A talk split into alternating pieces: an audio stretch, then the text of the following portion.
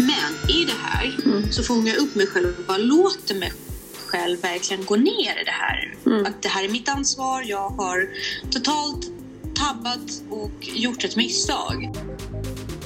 Framgångsrika människor, hur många misstag har inte de gjort? Eller liksom? Alltså det är ju de ändå. Vi gillar ju inte de här stiffa, perfekta människorna som aldrig vågar ta ut svängarna. Eller så. Man är i sitt eget huvud så man glömmer ju gärna att någon annan är inte alls i ditt eget huvud Nej. utan de har fullt upp i sitt. Ja. Möjligtvis har det att göra med din kompetens, men kompetens får man ju av erfarenhet. Så att då har man ju bara, misslyckas man så har man ju ökat sin kompetens. Lär känna själva känslan av prestationsångest, ångest överlag Mm. och de här obehagliga känslorna, bara ta dem för vad de är. Ge dem tiden, liksom spilla ut i kroppen och sen sp- eh, spolas bort. Mm. Så är det inte lika läskigt. Hej! Hej! Hur är det? Det är bra. Har du hamrat lite i bakgrunden här? Ja, Eh, vi har köpt IKEA-möbler. härligt. Vad ska ni göra? Eh, vi håller på att göra om Elisabeths rum lite för att hon ska börja på en ny skola. Och hon har ju fått sin diagnos. Det, jag har hängt med lite nu men nu känner vi att vi har tiden att liksom strukturera om hennes rum lite och anpassa den lite bättre efter hennes tillstånd. Så vi plockar bort saker och rensar upp och ser till att hon inte har några ställen där det kan bli plottrigt och du vet. Mm. För det blir otroligt jobbigt och instängt för henne. Så mer ordning, reda och mer saker som hon faktiskt behöver och inte så mycket som bara står där och plottrar. Nej. Så lite så. Härligt. Jo, vad gör du för något? Eh, inte jättemycket just nu. Jag är ensam här på Djurö så att jag har fixat lite med små, små mindre projekt idag. Men eh, inget sådär. Så hemlighetsfull. ja, nej, inte så hemlighetsfull, bara inte alls gjort speciellt mycket. Jag förstår. Eh, det ska man ju ibland avstå från. Man Ja. ska ju avstå från att göra mycket ibland och bara försöka landa och ge hjärnan tid att eh, reflektera. Exakt. Det kan, kan vara ganska skönt om man slipper ångest. Ja, alltså jag har faktiskt fått ett nytt fenomen här. Att, min, att stress sätter sig rent fysiskt i kroppen. Alltså jag mår illa. Så, att, så fort jag blir lite stressad så känns det som att jag ska kräkas. Oj, ja. Eh, då är det ju jättebra du är ute på landet, tänker jag. Ja, fast det dyker ju upp här också. Ja, det kan jag förstå. Det kan jag tänka mig. Så hur hanterar du det? Alltså jag har bara accepterat att det är så. Men det är en lite ny känsla. Jag har aldrig, stress har aldrig tagit sig det uttrycket hos mig förut. Hur har det uttryckt sig förut? Nej, bara att man blir stressad och får ångest. Men, Mm. Ja, ångest är ju en klassiker. Är en klassiskt. Klassisk stress. Det är så intressant för att jag sitter och läser igenom lite texter som du har skrivit utan att säga för mycket. Där står det ganska tydligt att eh, när man känner sig stressad och känner prestation, att man sp- det, spiller över och man blir aggressiv mot andra. mm, ja, man blir intolerant och så. Ja, man blir intolerant och lite aggressiv. Och det är det som har... eh, Kommer du ihåg att jag har sagt till dig att jag kan så här, explodera på all, andra människor? Mm. Och du har, bara, och du har sagt så många att ah, men jag bara väntar på att det ska hända gentemot mig. Mm. Eh, jag har konstaterat att det är på grund av prestationsångest. Mm. Jag, har börjat, jag har börjat faktiskt arbeta väldigt mer aktivt med min prestationsångest. Ja. Eh, mer intellektuellt kan jag säga, mer analytiskt. Jag försöker verkligen analysera fram och framförallt acceptera känslorna, för det har jag också varit ganska dålig på. Man går in i ett flykttillstånd Mm. Och man är så rädd för själva känslan, den är så obehaglig så man försöker så fly ifrån den. Mm. Men faktum är att om man lär känna själva känslan av prestationsångest, ångest överlag Mm. och de här obehagliga känslorna, bara ta dem för vad de är. Ge dem tiden, liksom spilla ut i kroppen och sen sp- eh, spolas bort. Mm. Så är det inte lika läskigt. Nej. Utan man bara liksom, som en träning, man tar sig igenom det. Du har eh, början, en kulmen och ett avslut och sen så är man ute från det. Kanske lättare sagt än gjort, men jobbar man med det aktivt så kan man faktiskt börja på något sätt återfå kontrollen. Absolut. Så jag dödade nästan en människa förra veckan. Och det är väl lite det vi ska fortsätta bolla om här med misstag och, och så. Så att eh, vi säger varmt välkomna till, Till Ansvarspodden.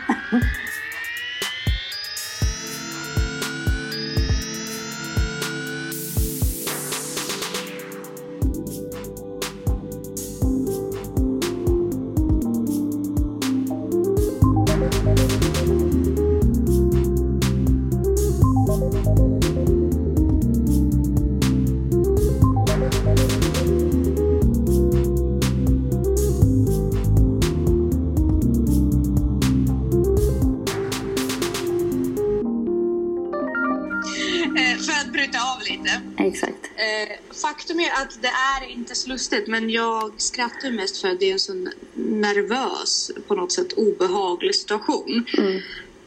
Så att det tar ju uttryck i skratt. Men faktum var att jag var på banan och för de som inte har lyssnat på oss förut eller missat det. Jag är lite amatörmekaniker på eh, i, mm, hjälper en kille som håller på med roadracing och jag försöker lära mig och jag tycker det är roligt att hänga ute på banan och vara med på bandagar och hela den grejen. Jag lär känna den världen. Jag tycker MC-världen är ganska rolig. Mm. Särskilt tävlingsvärlden och så. Mm. Och där så lär jag mig om mycket. Och jag kan ju säga att innan jag började med det här projektet så visste jag ingenting om motorcyklar eller mekanik överhuvudtaget. Nej. Jag, jag är en ganska oteknisk person men jag tyckte att det var så spännande och jag älskar det numera. Jag tycker det är verkligen jättespännande och jag försöker lära mig så mycket jag kan om, Mm. om motorer och hjul och liksom hur allting hänger ihop. Och det går bättre och bättre. Men i samband med det så har jag blivit ganska kaxig. Jag tycker i, och för sig också att det är ganska jobbigt att killen som jag hjälper Mm. är väldigt mycket yngre än vad jag är. Så det blir som att det är en yngling som bossar runt mig lite grann. Jag är lärling till en yngling. Okej. Eh, vilket är... Vad sa du? Okej. Jo men det blir ju så därför att han är ju 18. ja, ja, men det behöver ju inte vara något... Ja. Nej det behöver ju inte vara och jag försöker ju på något sätt, alltså vi har ju en väldigt respektfull relation till varandra och jag tycker inte alls att hans ålder är på något sätt en nackdel i den relationen vi har. Men det blir en helt annan sak. För jag är så van att vara pedagog Ja, och det är så konstigt för mig att ta instruktion från någon som eh, faktiskt kan vara min elev. Mm. Som har faktiskt varit min elev en gång i tiden. Och eh, det, det känns jättejobbigt och godvis. Så att jag har varit väldigt kaxig. Mm. Och min ödmjukhet har lyst med sin frånvaro. Och jag har varit på och liksom antytt flera gånger att det här är så enkelt. Sluta behandla mig som en bäst. Och det har pågått ett längre tag nu. Nu börjar jag känna mig varm i kläderna och jag åker ut på banan. Vi ska vara med på en barndag då. Mm. Jag, jag pratar som om det händer nu, men det här är då förra veckan. Mm. Och vi är där och, och vi ska byta hjul. Och eh, vi ska inte bara byta själva däcket, vi ska byta fälg, vi ska byta drev. Det är liksom en ganska stor process. Så vart på jag säger att jag sköter det, tar av delar. Eh, han, föraren då, byter drevet. Mm. Och jag sätter ihop hjulet och sätter på den igen. Och Mm. han avslutar dagen och han kör nästa dag. Mm. Och sista passet, sista dagen på banan, då kommer han in och jag har tankat lite för lite så att han skulle köra hela passet för han börjar bli trött. Mm. Så att han, när lampan lyser då kommer han in och vi märker då att hela bakre hjulet Mm. Håller på att åka av Nej. och gnugga sönder mot svingarmen. Alltså, den håller på att åka av och blockeras. Mm. Och hade den gjort det, Mm. hade bakhjulet låst sig, då hade han ju då åkt av i världens olycka. Mm. Eh, och möjligtvis skadat sig och i värsta fall dött. Därför att man vet aldrig hur det går i olyckor på, ba- nej, nej, olyckor gud, på nej. banan. Liksom. Nej. Man vet inte. Det kan, det kan, det kan, han kan ställa sig upp och fortsätta eh, åka eller så kan det bara gå åt helvete och Mm. han kan knäcka ryggraden. För att farten är, alltså, det är så stor fart. Så Mm. det är väldigt mycket säkerhets, säkerhetsfrågor. I alla fall, och då konstaterar vi lite snabbt att det är han som har klantat sig för att när han bytte drevet så bankade han inte in det tillräckligt bra Nej. tillbaka. Så han satte inte det på plats. Och jag bara... skönt att jag inte gjorde bort mig. Ja. Och så åker vi då hem till honom vart vi ska ta av det här bakre hjulet och se hur mycket skada som har skett. Och i den processen, när vi tar av bakhjulet, så märker vi ganska fort att det saknas en distans Mm. som ska hålla hjulet på plats. Som jag har glömt att sätta på. Nej. Vi, pra, vi pratar om, om en metallring Ja. som är tre centimeter Ja. tjockt. Liksom, en ring. Det, det är så obetydlig liten grej. Det är bara en distans, liksom, en liten metallring. Fast den fyller en funktion. Då, eh, ja, självklart. Som jag då packat ner i reservdelar och bara, ja ah, men det här är en reservdel. Perfekt, en reservdistans. Men, men som då har orsakat en hel skada som kommer gå på ungefär 7 till 9 000 kronor. Och ja, och det förhindrar honom att fortsätta den här säsongen och racea och det förhindrar, eh, ja det kunde ha orsakat världens olycka. Och när jag får veta, alltså när vi tar av det djuret och, han, och så säger han så här, vad, var är distansen? Och jag säger, den packade jag ner i reservdelen och så ramlar poletten ner Mm. att allt det här är mitt fel. Då får ju världens största flyktinstinkt. Jag tar ju bara från ansvaret och vill inte vara med om det här längre. Och bara gråter att jag inte klarar av det och att jag vill inte vara med. Alltså jag vill inte göra det här mer. Jag vill inte mecka och jag vill inte vara del av det här laget. Och... Men i det här så fångar jag upp mig själv och bara låter mig själv verkligen gå ner i det här. Att det här är mitt ansvar. Jag har totalt tabbat och gjort ett misstag Mm. och bara sjunker jättedjupt in i det där. Men eftersom jag inte gör något motstånd så kommer jag upp i det mycket fortare. Mm. För jag förnekar inte det, jag accepterar det. Mm. Vilket är ju ganska nytt för mig. Därför att förr i tiden så skulle jag bara nekat och tyckt att jag var dålig. Men jag gör inte det. Utan Nej. jag bara accepterar att jag gjorde ett misstag. Mm. Ganska fort. Och så kommer jag upp ur det. Och så säger jag, nej men vet du vad? Jag gjorde ett misstag, hur löser vi? Jag vill hjälpa till att lösa det. Jag ber om ursäkt. Liksom. Vad, vad, det finns inte så mycket mer jag kan göra. Nej. Eh, och det gick ju mycket smidigare för mig att rehabilitera mig från det. Exakt, och det är det som är en av de här grejerna att hantera misstag är ju alltså acceptansen. För att sen så gå vidare i någon form av problemlösning.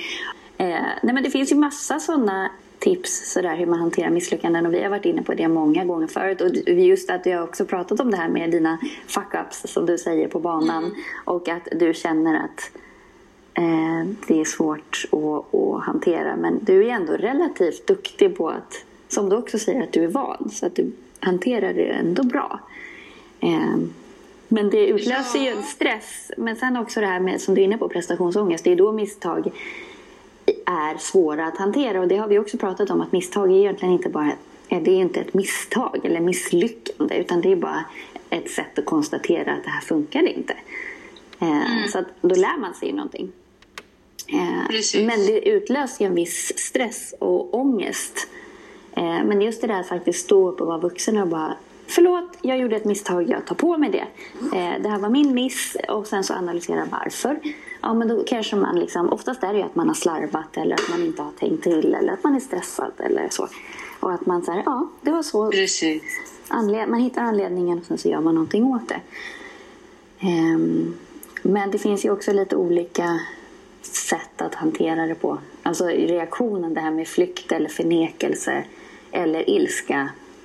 Ehm, så att, och där kan man ju också, om man vill träna, så kan man ju be folk runt omkring sig att så här, när jag reagerar så här kan du ju hjälpa mig med att ja, bemöta mig på det här sättet eller så. Absolut, och jag tror att för att bolla tillbaka lite grann mot den, den podden vi hade förra gången. Allt handlar om eh, att lära hjärnan. Alltså vi måste lära hjärnan att kunna...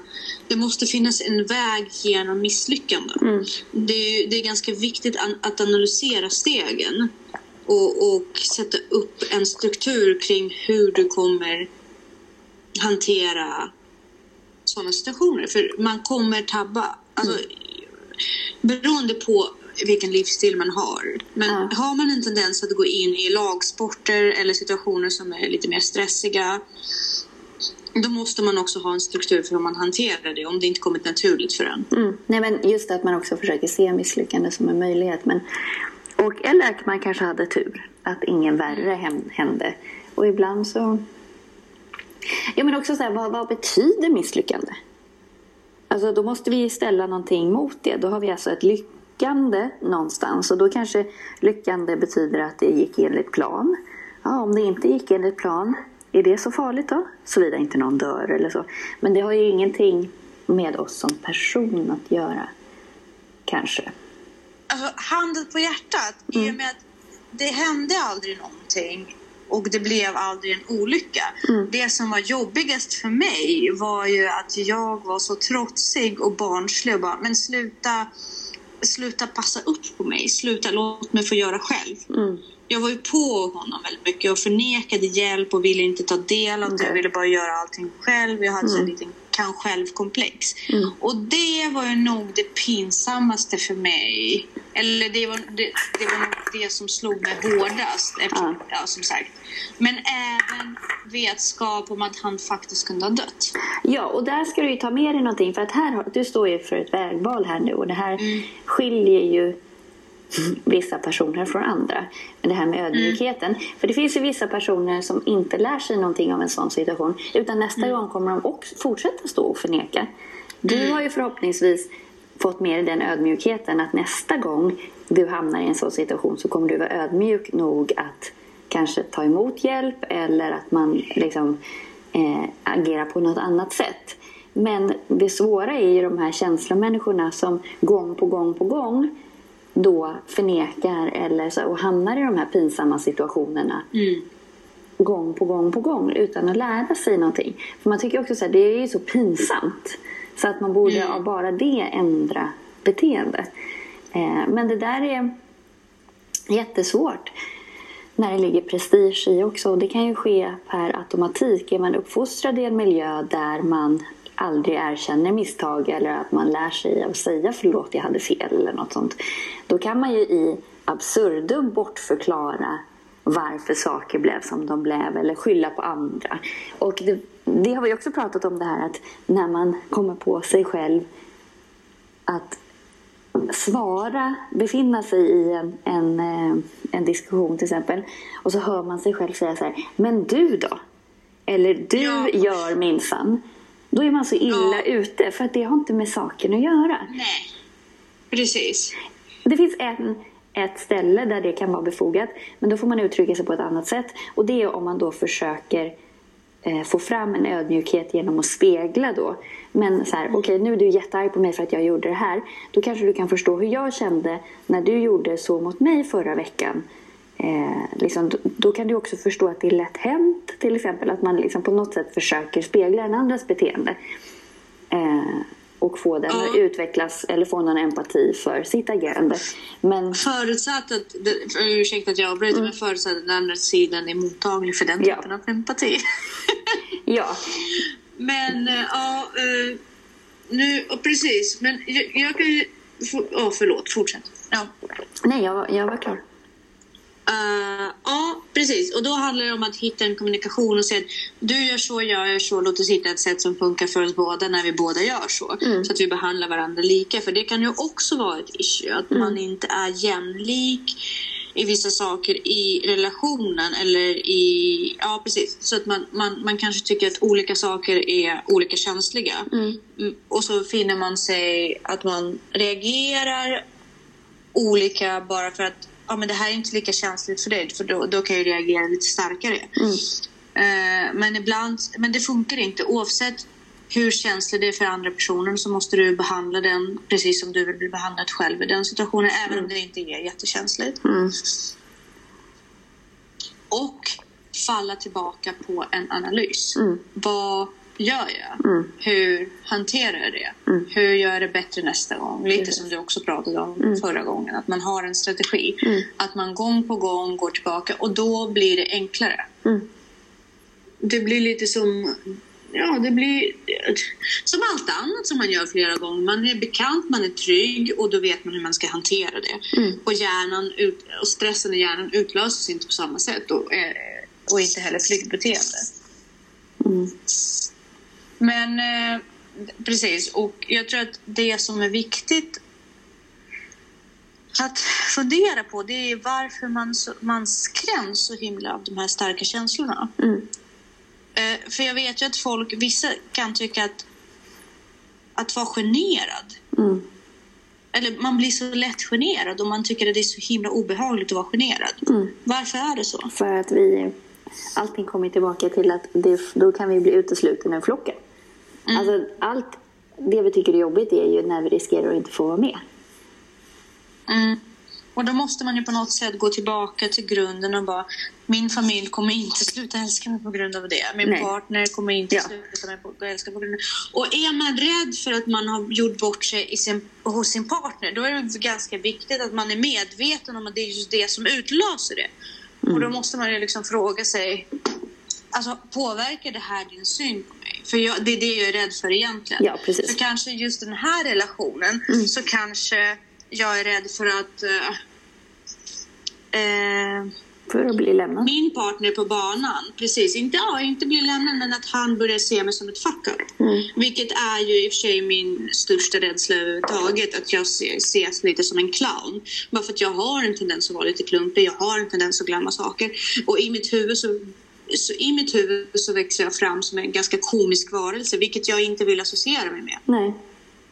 Och det är ju det som är min rädsla. Och jag konfronterade det och jag, och jag faktiskt sa det till honom. Jag bara, jag är rädd att bli sedd som en komisk liten clown som ramlar omkull och snubblar över, sig, över sig själv. Liksom. Och det är det jag är rädd att du ser mig som när sånt händer. Vilket han tyckte var helt löjligt sätt att se på saken. Han sa att men det här är en värld där alla kan göra misstag. Sen att du gör det ganska svårt för mig att visa till dig för att du ska vara så jävla stolt och independent hela tiden. Det är en annan sak. Det får du jobba på. Men det har ju ingenting att göra med att jag ser det som en clown. Nej, och så där är det ju i, i relationer också. Jag och Danne har ju haft åtaliga sådana samtal. Eh, Att man bara, men jag är liksom det här och det här är jag rädd för. Eh, Och att man Ja. liksom vågar säga det och vågar stå för det. För att då blir det också, då vet ju den andra och då är det också så här, men gud hur kan du ens tänka så? Det finns liksom inte på kartan. Och det är det där när man gör misstaget att misstaget. Nej men när man, när man blandar in prestation i och att mitt värde är vad jag presterar. Alltså, Precis. annars är det så här, det är ju självklart att du älskar mig för den jag är. Sen om jag råkar göra bort mig, det spelar väl ingen roll. Alltså, men det är det här, då framstår jag i sämre dagar och man är så mån om att man ska liksom framstå som den här perfekta människan. Ja, precis. Om man tappar anseende och man kanske inte... Man själv motsvarar inte sin egen bild eller sin ideal av sig själv. Nej. Och, och där måste man nog ha mer relation med sig själv och mer ärlighet mot sig själv. Mm. Än vad man ska liksom vara rädd för alla andras. Mm. Ja men Det, folk har ju fullt upp med sig själva också så att de har inte tid. ja, men precis. Man glömmer ju gärna... Alltså när man är, med, man är i sitt eget huvud så man glömmer ju gärna att någon annan är inte alls i ditt eget huvud. Nej. Utan de har fullt upp med sitt. Ja. Och, och det glömmer man. Alltså, även om man är vuxen och även om man är någorlunda analytisk och försöker och man Mm. har barn så man vet. Liksom. Men ändå, så, i de här stressfyllda situationerna så drabbas man ju av det här med Mm. Åh herregud, hur ska jag ta mig vidare i livet? Det här är så pinsamt. Men samtidigt också, vilka personer finner man mest sympatiska och gillar man mest då? Det är ju de som är bjussiga och vågar testa saker, vågar göra bort sig och vågar begå misstag och liksom de här som eh, ja, men oftast framgångsrika människor. Hur många misstag har inte de gjort? Eller liksom, alltså det är ju de ändå. Vi gillar ju inte de här stiffa, perfekta människorna som aldrig vågar ta ut svängarna. Eller så. Nej, det gör man inte. Men av någon konstig anledning så är det inte så man tänker. Ja. Man tänker. Nej, och misstag gör dig ju också mer empatisk. För att du säger, ja. men jag har också testat det där, det gick inte alls något bra. Då kan ju inte jag tänka så här, men vad, gud vad dålig du är, klarar du inte det där? När man bara, det är inte så jävla lätt, jag har också testat. Alltså, Och att man så här, vet hur mycket arbete det ligger bakom någonting eller om man vet hur mycket förberedelse saker krävs. Eh, Och sen också, det gör dig ju kreativare när du testar massa grejer och sen så lär dig hur saker fungerar. Så att även om det inte blir som du har tänkt dig så kanske du har lärt dig att okej, den här saken är jättetung och sjunker eller den här saken flyger iväg när man, vinden kommer från det hållet. Eller. Alltså, det finns ju alltid saker att lära sig. Så att det gör en ju Absolut. smartare och kreativare. Och sen så just det, kommer du när jag höll på att fixa med den där? Det skulle man kanske kunna använda här. Ehm, så att det är ju bara bra. Att liksom bara testa grejer. Och... Och, och om, inte något, om inte annat så kan jag säga att jag kommer aldrig mer du kommer aldrig glömma det. fokuserad på banan som jag har tillåtit mig själv nu. För nu Nej. förstår jag verkligen på ett helt annat sätt. Jag har erfarit Mm. hur himla viktigt det är att hålla allting i schack. Liksom. Mm. Det är en erfarenhet som jag äger nu. Mm. Som jag kan liksom med största med egen erfarenhet säga att här, det här kommer gå åt helvete om vi Mm. inte har koll nu. Ja, och det, sånt får man också ta med sig som det här med, ja, men med covid-19 nu också. Det var väl, var väl himla tur att det drabbade oss så som det gjorde. Att det inte var ett dödligare virus. Att, för att då fick vi se att vi har ingenting som fungerar. Eh, vi är dåligt förberedda. Så att nästa gång någonting händer så kanske vi, då har vi fått tillfälle att skärpa till oss lite grann. Så att det här var ju bara en testraket. Och det var väl Absolut. jättetur. Absolut. Eh, ja, och, men också hur lätt det är för människor att glömma att, det är fortfarande, alltså att, att krisen är fortfarande aktuell. Hur vana vi blir, hur fort vi blir. Liksom. Hur fort vi accepterar att saker och ting är på ett visst sätt. För nu är det, ingen som bär masker och knappt någon som håller distans. Och, och folk kommer närmare och närmare varandra i mataffärer. Ja, det finns lappar uppsatta men det är ingen som följer det. Sådär. Nej. Nej. Jättepetnoga kan jag inte påstå. Inte som de första veckorna. Nej. När det kändes som en apokalyps. Liksom. Men egentligen, smittan är ju här. Ja, och det är ing- det är ingenting som är minskat. Nej. Nej, och tittar man ute här i skärgården liksom på Sandhamn så det är ingen som bryr sig alls. Alltså verkligen inte. Och vi var på eh, ett spa här i närheten. Alltså det fanns ju, alltså det var så mycket folk. Och det var jättepackat och så här, det fanns ju ingenting. De hade inte ens så här, för jag vet i spa, på span i stan och så, de mäter ju temperaturen och så. Här var det ingenting. Alltså det var verkligen ingenting. Nej, alltså, herregud, vi har varit på Gustavsvik har vi varit i. Och där var det också att eh, innebad, utebad, alla är på varandra, hur mycket folk som helst. Och man har ju möjligtvis stängt ner någon bubbelpool för att man ska inte sitta för nära varandra så. Men det är inte så att någon uppmanar att man ska vara för nära varandra på stranden eller något sånt där. Folk är Nej. Men jag tänker på det här, om jag, man drabbas då av ett misslyckande eller begår ett misstag. Eh, då är det ju lite som du säger det här, hur kan jag göra eh, för att få det bättre? Eh, och att man frågar sig själv vad man har lärt sig. Mm. Eh, och så, här, så att man verkligen så här, tänker att så här, gud vad bra, nu fick jag möjligheten att lära mig något nytt. Eh, och att man inte fäster det vid sig själv som person, för det mm, betyder absolut ingenting. Möjligtvis har det att göra med din kompetens, men kompetens får man ju av erfarenhet. Så att då har man ju bara, misslyckas man så har man ju ökat sin kompetens. Sen så, vissa misslyckanden är ju dyrköpta och då får man väl ta det som lärpengar på något vis. Mm. Och vissa misstag kan ju också vara ödesdigra. Men det är ju livet också. Och då är det Ja, också... alltså någonstans, någonstans måste man ju acceptera i livet sker misslyckanden. Det är en del. Man kan inte komma bort från det. Nej, och sen så de, vi ser ju bara andras lyckande på något vis. Det är väldigt sällan man Ja. faktiskt ser andra människors misslyckanden. Eh, och det ska man faktiskt tänka på att ge med till sina barn. Att man delar sina misslyckanden, framför allt sina misslyckanden med dem. Så att de ser att shit, men mamma eller pappa är ganska grymma, men shit vad de kämpar. Och att de får lära sig att det är ansträngningen bakom. Det är bara att resa på sig och göra det igen. Och det är jätteviktigt för att många barn tror att de ska kunna allting utan att ha tränat eller någonting och så blir de besvikna. Ja, men där, där kan jag säga, där kan jag faktiskt ge mig själv en klapp på axel. Därför att eh, med Elisabeth till exempel, eftersom jag går ofta in i depressioner och jag kan få skador ibland rätt rejält. Att jag är ganska öppen med det. Det här är en del av mitt tillstånd och jag tar så mycket ansvar för det jag kan. Och sen så lyfter jag mig själv och bara, ah, jag är jätteledsen att det händer. Jag ska försöka göra det här, det här, det här.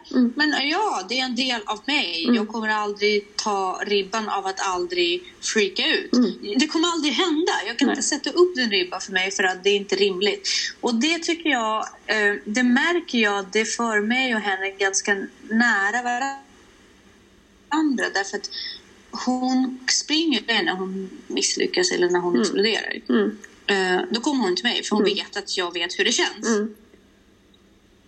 Eh, vilket är ganska tryggt därför att jag vet att om hon mår dåligt då kommer hon till mig. Och det är det som är viktiga. Mm.